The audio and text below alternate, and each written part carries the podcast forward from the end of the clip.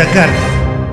Sobat penabur terkasih, selamat datang kembali di podcast Penabur Jakarta. Podcast bagi karyawan BPK Penabur Jakarta. Saya Inke akan menemani sobat semua dalam podcast Penabur Jakarta episode ke-15. Narasumber kita kali ini adalah Sekretaris Umum BPMSW GKI Sinode Wilayah Jawa Barat, Beliau adalah Pendeta Cordelia Gunawan. Apa kabar Ibu Pendeta Cordelia? Baik Bu Inke. Terima kasih sudah bergabung dalam podcast Penabur Jakarta. Keep on, keeping on. Podcast Penabur Jakarta.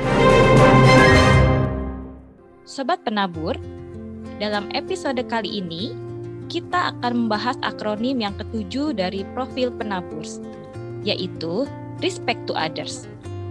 Kata respect sering diterjemahkan dengan kata menghormati atau menghargai. Menurut Bu Cordel, apa sih pengertian respect dan mengapa kita harus respect terhadap orang lain? Apa dasar yang dapat kita jadikan pegangan dalam bersikap respect kepada orang lain? Iya, terima kasih Bu Inke. Jadi Bapak Ibu, kalau kita bicara soal respect, apa sih sebenarnya respect gitu ya? Sebenarnya respect ini kan sesuatu yang gak asing buat kita gitu ya. Respect itu adalah sebuah sikap e, menghormati. Jadi kita harus respect dalam arti kata kita nih harus bisa menghormati dan menghargai orang lain sebagaimana adanya mereka. Jadi respect ini sebenarnya kalau ditanya apa sih artinya respect?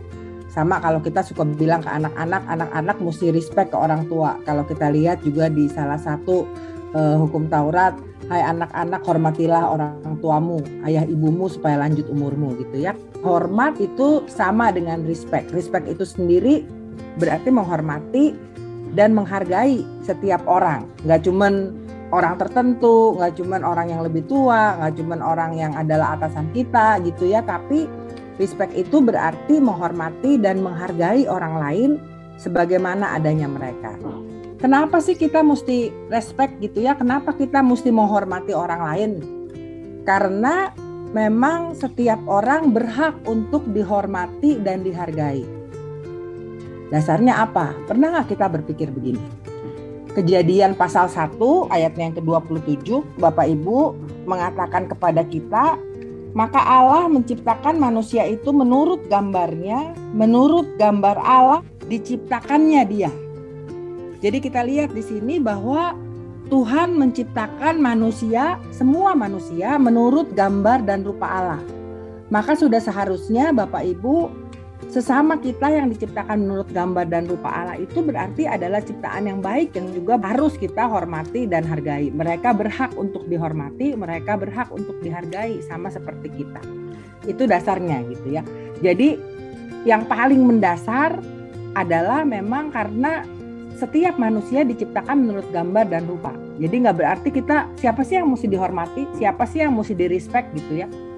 Ya nggak cuman orang yang kita pikir patut kita respect atau ada di atas kita enggak no tapi semua orang harus kita hormati dan hargai. Mengapa? Karena gambar dan rupa Allah itu nyata dalam setiap diri manusia. Karena manusia diciptakan menurut gambar dan rupa Allah. Makanya setiap manusia deserve untuk di uh, hormati gitu ya.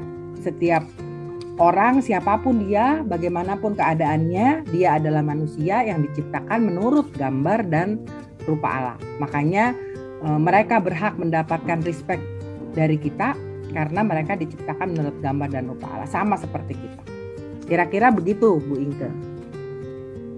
Wah, menarik sekali ya penjelasan dari Bu Kordel ini. Tadi Ibu mengatakan bahwa setiap orang itu berhak untuk dihargai gitu ya, tidak memandang jabatan dan lain sebagainya karena pada dasarnya memang semua manusia itu diciptakan serupa dan segambar dengan Allah.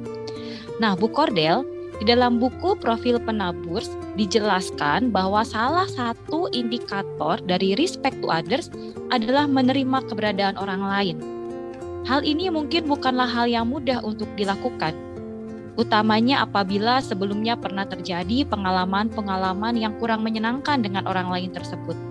Bagaimana sebaiknya kita memahami hal menerima keberadaan orang lain? apakah ada prinsip-prinsip atau dasar tertentu yang mungkin dapat menolong kita dalam menerima keberadaan orang lain, Bu? Iya. Jadi uh, Bu Inke kalau ditanya gitu gimana sih cara kita menerima keberadaan orang lain. Kadang-kala kan gini ya kalau menerima keberadaan orang yang sama sama kita mungkin lebih gampang gitu ya. Atau yang punya interest yang sama yang ya yang sama lah yang lebih mudah gitu. Tapi sering kali kan menerima keberadaan orang lain itu dibilang susah. Ada yang gampang dibilang gampang. Enggak juga gitu ya. Tapi dasar-dasarnya apa? Gimana cara kita supaya menerima keberadaan orang lain? Nah pertama menurut saya yang penting ada di otak kita adalah enggak ada orang yang sama sama kita gitu ya bahkan pasangan kita, anak-anak kita itu juga nggak sama sama kita. Nggak ada orang yang sama. Karena sering kali tadi saya katakan kita lebih gampang nerima orang yang sama. Atau, atau bahasa gini yang yang satu chemistry lah gitu. Saya kemis lah sama dia gitu ya. Lalu kita lebih gampang mudah menerima. Tapi kan kita mesti keep in mind Tuhan kita itu bukan Tuhan yang menciptakan semua seragam. Jadi kalau kita melihat kenapa sih Tuhan ciptain ya Tuhan ciptain sama aja gitu ya. Tapi kan enggak Tuhan menciptakan misalnya menciptakan makhluk lain atau makhluk-makhluk ciptaan lain dan mereka diberikan uh, diberikan juga kemampuan untuk bisa beranak cucu. Manusia diberikan juga kemampuan untuk bisa beranak cucu. Kalau Tuhan mau yang seragam Tuhan ciptain aja gitu. Dari awal Tuhan ciptain seribu ibu ingke gitu atau Tuhan ciptain seribu saya gitu kan enggak. Tapi Tuhan menciptakan bahkan sejak awal Tuhan gak cuma menciptakan laki-laki, tapi Tuhan menciptakan manusia, laki-laki dan perempuan gitu ya. Dari awal Tuhan menciptakan keberagaman. Dari awal memang ada perbedaan gitu, heterogen bukan homogen. Dan di dalam heterogen itu, di dalam kepelbagaian itu, di dalam keperbedaan itu ada keunikan masing-masing gitu. Jadi dari awal memang dasarnya Tuhan gak menciptakan semua sama, tapi Tuhan menciptakan ya memang dari awal itu berbeda gitu ya. Dan justru dalam perbedaan itu kita diajak untuk menerima, menghargai, menghormati orang-orang yang ada di sekitar kita. Bukan karena mereka sama sama kita. Kita respect bukan karena mereka punya pandangan yang sama, sikap yang sama, ideologis yang sama gitu ya, bukan tapi kita tahu beda karena Tuhan menciptakan yang memang beda. Tapi justru dalam keberbedaan itu Tuhan mengajarkan kita untuk terus menghargai dan menghormati orang yang berbeda dengan kita gitu ya. Jadi nggak ada orang yang sama. Tiap orang itu beda. Karena sering kali tuh konflik berawal dari saat kita nggak bisa menerima apa yang beda. Seringkali kan kalau kita terbiasa dalam sebuah kebiasaan, terbiasa dalam sebuah pikiran, kita nganggep yang di luar kita yang beda itu apa ya salah atau yang yang beda itu lebih rendah dari kita, yang beda itu lebih jelek dari kita. Nah pikiran-pikiran itu yang membuat kita nggak bisa menerima keberadaan orang lain. Padahal sekalipun berbeda, mereka equal sama kita, sama, mereka sama-sama imagode. Sekalipun berbeda, mereka tidak berarti lebih rendah dari kita. Beda itu kan cuma soal style. Nah tapi sering kali kalau dipikir-pikir ya itu ya kita gimana ya? Misalnya kalau konflik konflik yang gede banget. Awalnya kan sebenarnya dari perbedaan. Perbedaan yang sering kali kita nggak bisa terima itu perbedaan. Atau kita nggak bisa terima perlakuan orang gitu. Saya sering kali dikasih tahu begini kalau ada orang melakukan sesuatu gitu ya kadang-kala nggak usah terlalu ditanggapi personal. Dia sedang melakukan perannya. Everybody has their own roles gitu ya. Setiap orang tuh punya peran masing-masing dalam kehidupan dan dia mungkin sedang menjalankan peranannya.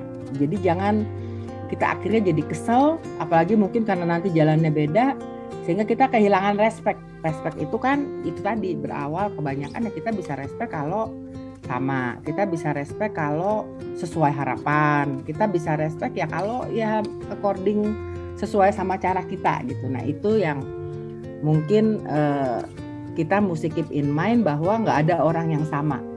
Tuhan menciptakan sejak awal tiap orang itu berbeda. Dan justru seni dalam kehidupan adalah juga respect terhadap orang-orang yang mungkin berbeda dengan kita. Respect terhadap orang-orang yang jauh dari bayangan kita. Respect terhadap orang-orang yang mungkin sedang menjalani peranan kehidupan mereka dalam relasi dengan kita. Kira-kira seperti itu, Bu Inke. Sungguh menginspirasi ya Bu ya. Tapi saya jadi mau nanya lebih jauh lagi Bu uh, tentang menerima keberadaan orang lain yang tadi Ibu bilang bahwa setiap orang punya perannya masing-masing begitu ya, tidak sama, memang kita tidak sama. Nah, sebagaimana yang kita ketahui bahwa dalam konteks lingkungan pekerjaan ya Bu, pasti hmm. ada hubungan relasi, misalnya antara atasan dan bawahan. Nah, ini juga kan akhirnya menimbulkan perbedaan pandangan dalam menimbang sebuah pekerjaan. Belum lagi nanti ada suasana kompetitif antara rekan kerja. Nah, bagaimana caranya kita tetap bersikap menghargai dan menerima keberadaan orang lain dalam situasi relasi yang seperti itu, Bu? Gimana ya, ya Bu ya? Jadi Bu Inke misalnya kalau dalam e, relasi kita dalam pekerjaan gitu ya, ada atasan kita. Atau misalnya kita kita nih datang terlambat terus gitu ya. Terus kita memang ada masalah terus kita terlambat gitu. Terus misalnya atasan kita marahin kita gitu. Mungkin kita kadang-kala kan biar salah kadang tetap suka kesel juga gitu ya. Lo nggak tahu gue lagi ngadepin apa gitu. Saya juga nggak mau telat ini juga karena ada masalah dan lain sebagainya. Kita kan sering begitu. Lalu lama-lama kita ngerasa nggak respect juga ini orang marah-marah melulu atau apa. Nah saya saya ngajak mikirnya begini e, mungkin atasan kita sedang melakukan perannya sebagai seorang supervisor, sebagai seorang atasan, sebagai seorang yang memang dia harus disiplin gitu. Kalau dia sendiri nggak bisa menjaga kedisiplinan, gimana dia bisa menjadi seorang pemimpin atau seorang atasan? Atau sama seperti misalnya kita suka eh, kadang kesel gitu ya sekarang kalau masuk ke mana-mana pintu dibuka dibuka juga cuma ditutup gitu sama satpamnya. Misalnya dia lagi jalanin peranan dia biar kata kita buru-buru kalau dia mesti jalanin peranan dia ya itu peranan yang harus dijalankan. Nah makanya di sisi ini kita harus bisa juga menghormati gitu nggak nggak take it personally. Kadang-kala mungkin bukan bukan soal kitanya tapi dia juga sedang menjalankan peranan yang Tuhan percayakan kepadanya. Dan berarti kita juga harus apa ya kita juga harus respect gitu bahwa dia menjalani apa yang menjadi peranannya. Jadi no hard feeling gitu. Kalau saya ditegur ya mungkin memang saya patut ditegur. Kalau saya salah ya memang ya ya atasan saya juga berlaku bukan gara-gara sentimen nih uh, sentimen sama saya gitu. Terus saya terus diincar kan nggak gitu. Tapi kan kita bisa mikirnya begitu padahal belum tentu begitu. Kita mesti bisa berpikir bahwa ya kalau dia lagi begitu ya dia sedang ngejalanin peranannya gitu. Sama seperti misalnya anak saya nih kalau saya bilangin nanti dia suka marah-marah gitu ya. Ini kan udah anak remaja lah. Suka dia dia maunya ya dia e, ngomong pendapat dia juga. Terus saya kadang suka bilang mami lagi ngejalanin peran mami sebagai orang tua. Jadi mami mesti nasehatin koko. Koko seneng nggak seneng koko mau denger atau enggak mami maminya koko. Jadi mami lagi jalanin peran mami sebagai orang tua gitu ya. Dan itu yang sering kali memang harus kita lakukan dan kita harus respect saat orang lain melakukan peranannya sebagai apa yang Tuhan percayakan kepadanya. Kalau soal misalnya persaingan gitu ya. Persaingan itu kan sebenarnya bagian dari bagaimana orang ingin mencapai mimpinya. Tapi memang ada yang sampai gila-gilaan gitu terus akhirnya mungkin jadi entah ngejelekin orang lain. Nah itu udah sampai nggak benar. Tapi menurut saya kita nggak bisa ngatur orang. Tapi kita bisa ngatur diri kita. Kalau kita ngelihat orang lain yang terlalu begitu gitu ya orang lain yang udah gimana banget gitu dengan pekerjaannya terus ngajak persaingan dengan sangat kuat. Mungkin kalau kita membahasakannya dengan positif ya itu tadi gitu ya. Saya agak terbantu dengan pemikiran bahwa ya udah saya nggak bisa ngatur orang lain dia sedang jalanin peran dia dia sedang berupaya dalam kehidupannya tapi minimal saya bisa ngatur diri saya gitu saya nggak mau saya jadi kesel saya jadi istilahnya nambah dosa gitu ya jadi disrespect jadi marah-marah. Gara-gara orang ngapain dosa sendiri? Udah banyak ditambah-tambah dipicu sama orang lain terus saya jadi ngomongin saya jadi kesel jadi apa ya ngapain gitu ya. Tetap kita dalam pemikiran yang membantu bahwa dia lagi jalanin peran dia. Kalau kita mau nempatin diri di posisi dia mungkin kita bisa jauh lebih paham. Sehingga kita akan lebih bisa menghormati uh, respect gitu ya menerima keberadaan mereka sekalipun mungkin mereka beda sama kita. Kalau gue jadi dia gue sih nggak bakal begitu. Tapi itu gue gitu dan dia bukan gue dia bukan kita. Jadi artinya ya itu tadi sejauh kita bisa memahami bahwa setiap orang punya peranan yang Tuhan percayakan dalam kehidupannya setiap orang berupaya melakukan peran yang Tuhan percayakan dalam kehidupannya setiap orang juga mungkin punya apa impian punya sesuatu yang ingin dikejar gitu sehingga dia berupaya melakukan sesuatu dan kita ada dalam posisi kita yang nggak bisa mengatur orang lain tapi bisa mengatur diri kita maka saya yakin kita melakukan yang baik gitu nggak usah mulai dengan sesuatu yang negatif tapi ya menghargai orang lain, menghargai keberadaan mereka. Karena mereka sedang melakukan perannya, sama seperti kita yang sedang melakukan peranan kita. Jadi menurut saya sih kita lebih bisa buat saya pribadi ya itu bisa lebih mudah dilakukan sih saat kalau saya ngelihat orang yang gimana gitu ya. Terus saya mencoba berpikir ya orang itu cuma sedang melakukan perannya gitu. Dia nggak bermaksud jahat dia nggak bermaksud apa ya dia sedang melakukan perannya. Dan saya berusaha terus untuk menerima gitu menerima kenyataan itu dan menghargai. Termasuk juga ya itu tadi misalnya kalau dalam relasi dengan atasan dalam dalam relasi bersama dengan guru-guru, karyawan, dengan orang-orang yang lain gitu ya. Atau mungkin juga dalam relasi bersama. Misalnya kalau ini guru-guru, karyawan terus diomel-omelin orang tua gitu. Kadang kan sebel juga. Tapi ya dia sedang melakukan peranannya sebagai orang tua. Mungkin kalau kita menempatkan diri di posisi dia, kita lebih bisa memahami dan gak gampang-gampang untuk mengecam atau nggak menghormati. Kira-kira begitu Bu uh, ini menarik sekali ya penjelasan Bu Cordel ini bahwa setiap orang itu punya peranannya dan kita mencoba untuk memahami bahwa ketika dia begitu melakukan sesuatu itu ada sesuatu yang kita nggak tahu tapi kita harus percaya bahwa dia sedang menjalani peranannya. Nah, sobat penabur, uh, ini adalah tantangan bagi kita ya untuk terus menghargai, untuk terus menerima keberadaan orang lain yang ada di sekitar kita. Nah, saya mau lanjut nih Bu Cordel. Eh, saat ini kita sering mendengar adanya fenomena bullying dan gosip bahkan di lingkungan pekerjaan. Nah, bagaimana Ibu Kordel menanggapi hal ini dalam kaitannya dengan tema kita, respect to others? Silahkan Bu.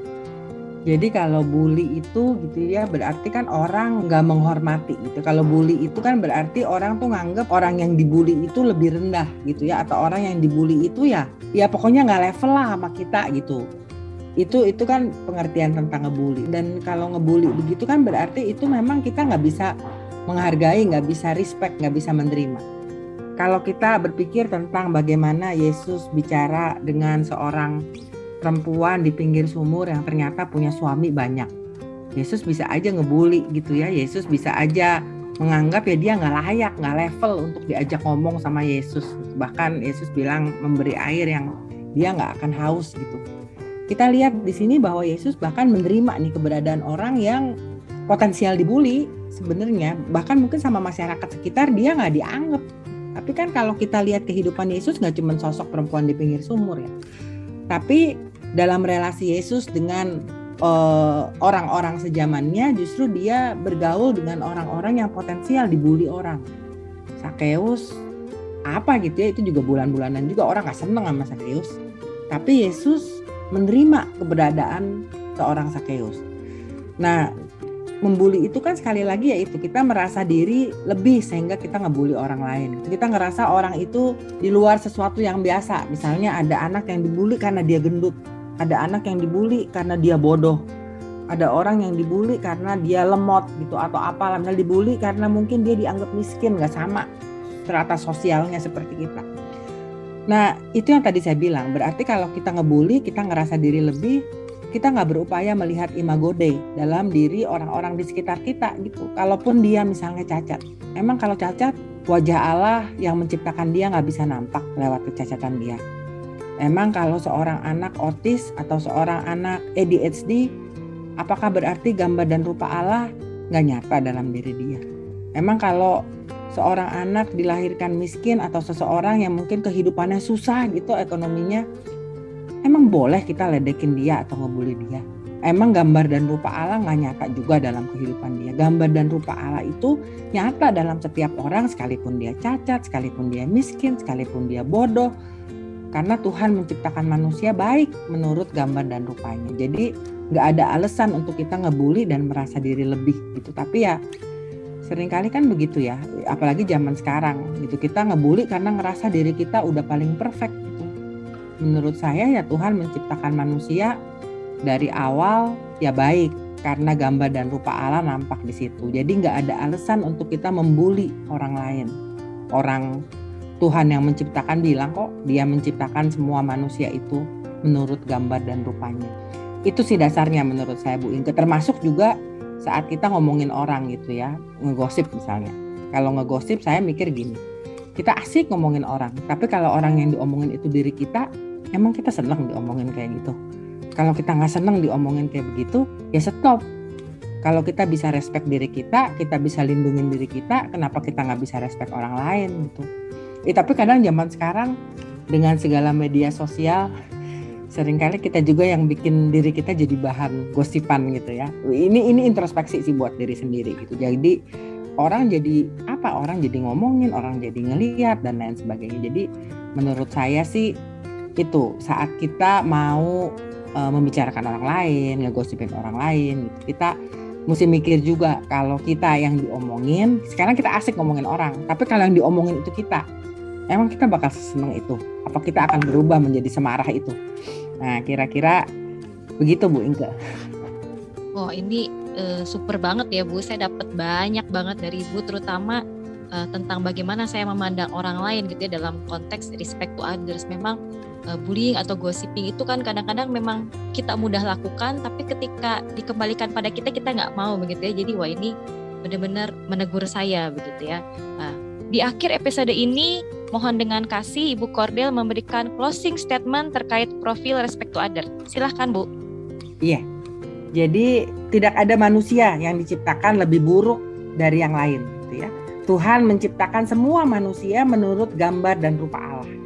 Berbeda ya iya, karena sejak awal bahkan Tuhan menciptakan laki-laki dan perempuan bukan untuk saling menghina, namun untuk saling melengkapi. Jadi mari sobat penabur, apa pun peranan yang Tuhan percayakan kepada kita, bagaimanapun kita berelasi dengan orang-orang di sekitar kita, mereka nggak sama-sama kita, nggak ada orang yang sama. Tapi Tuhan menciptakan semua manusia baik. Dan mari juga terus menghormati satu dengan yang lain, menerima keberadaan mereka satu dengan yang lain, seperti Tuhan juga menerima keberadaan kita apa adanya. Itu Bu Inke. Terima kasih Bu Kordel sudah boleh hadir hari ini sebagai narasumber di podcast Penabur Jakarta. Kiranya Bu Kordel senantiasa menjadi berkat dan terus-menerus diberkati dalam hidup dan pelayanannya. Terima kasih Bu Inke. Matius 7 ayat 12. Segala sesuatu yang kamu kehendaki supaya orang perbuat kepadamu, perbuatlah demikian juga kepada mereka. Itulah isi seluruh hukum Taurat dan kitab para nabi. Sobat penabur, mari bersama-sama kita bergandengan tangan untuk penabur Jakarta yang lebih baik. Sekian episode kali ini. Thank you for listening. Stay tuned with us. Keep up the good work guys. God bless you.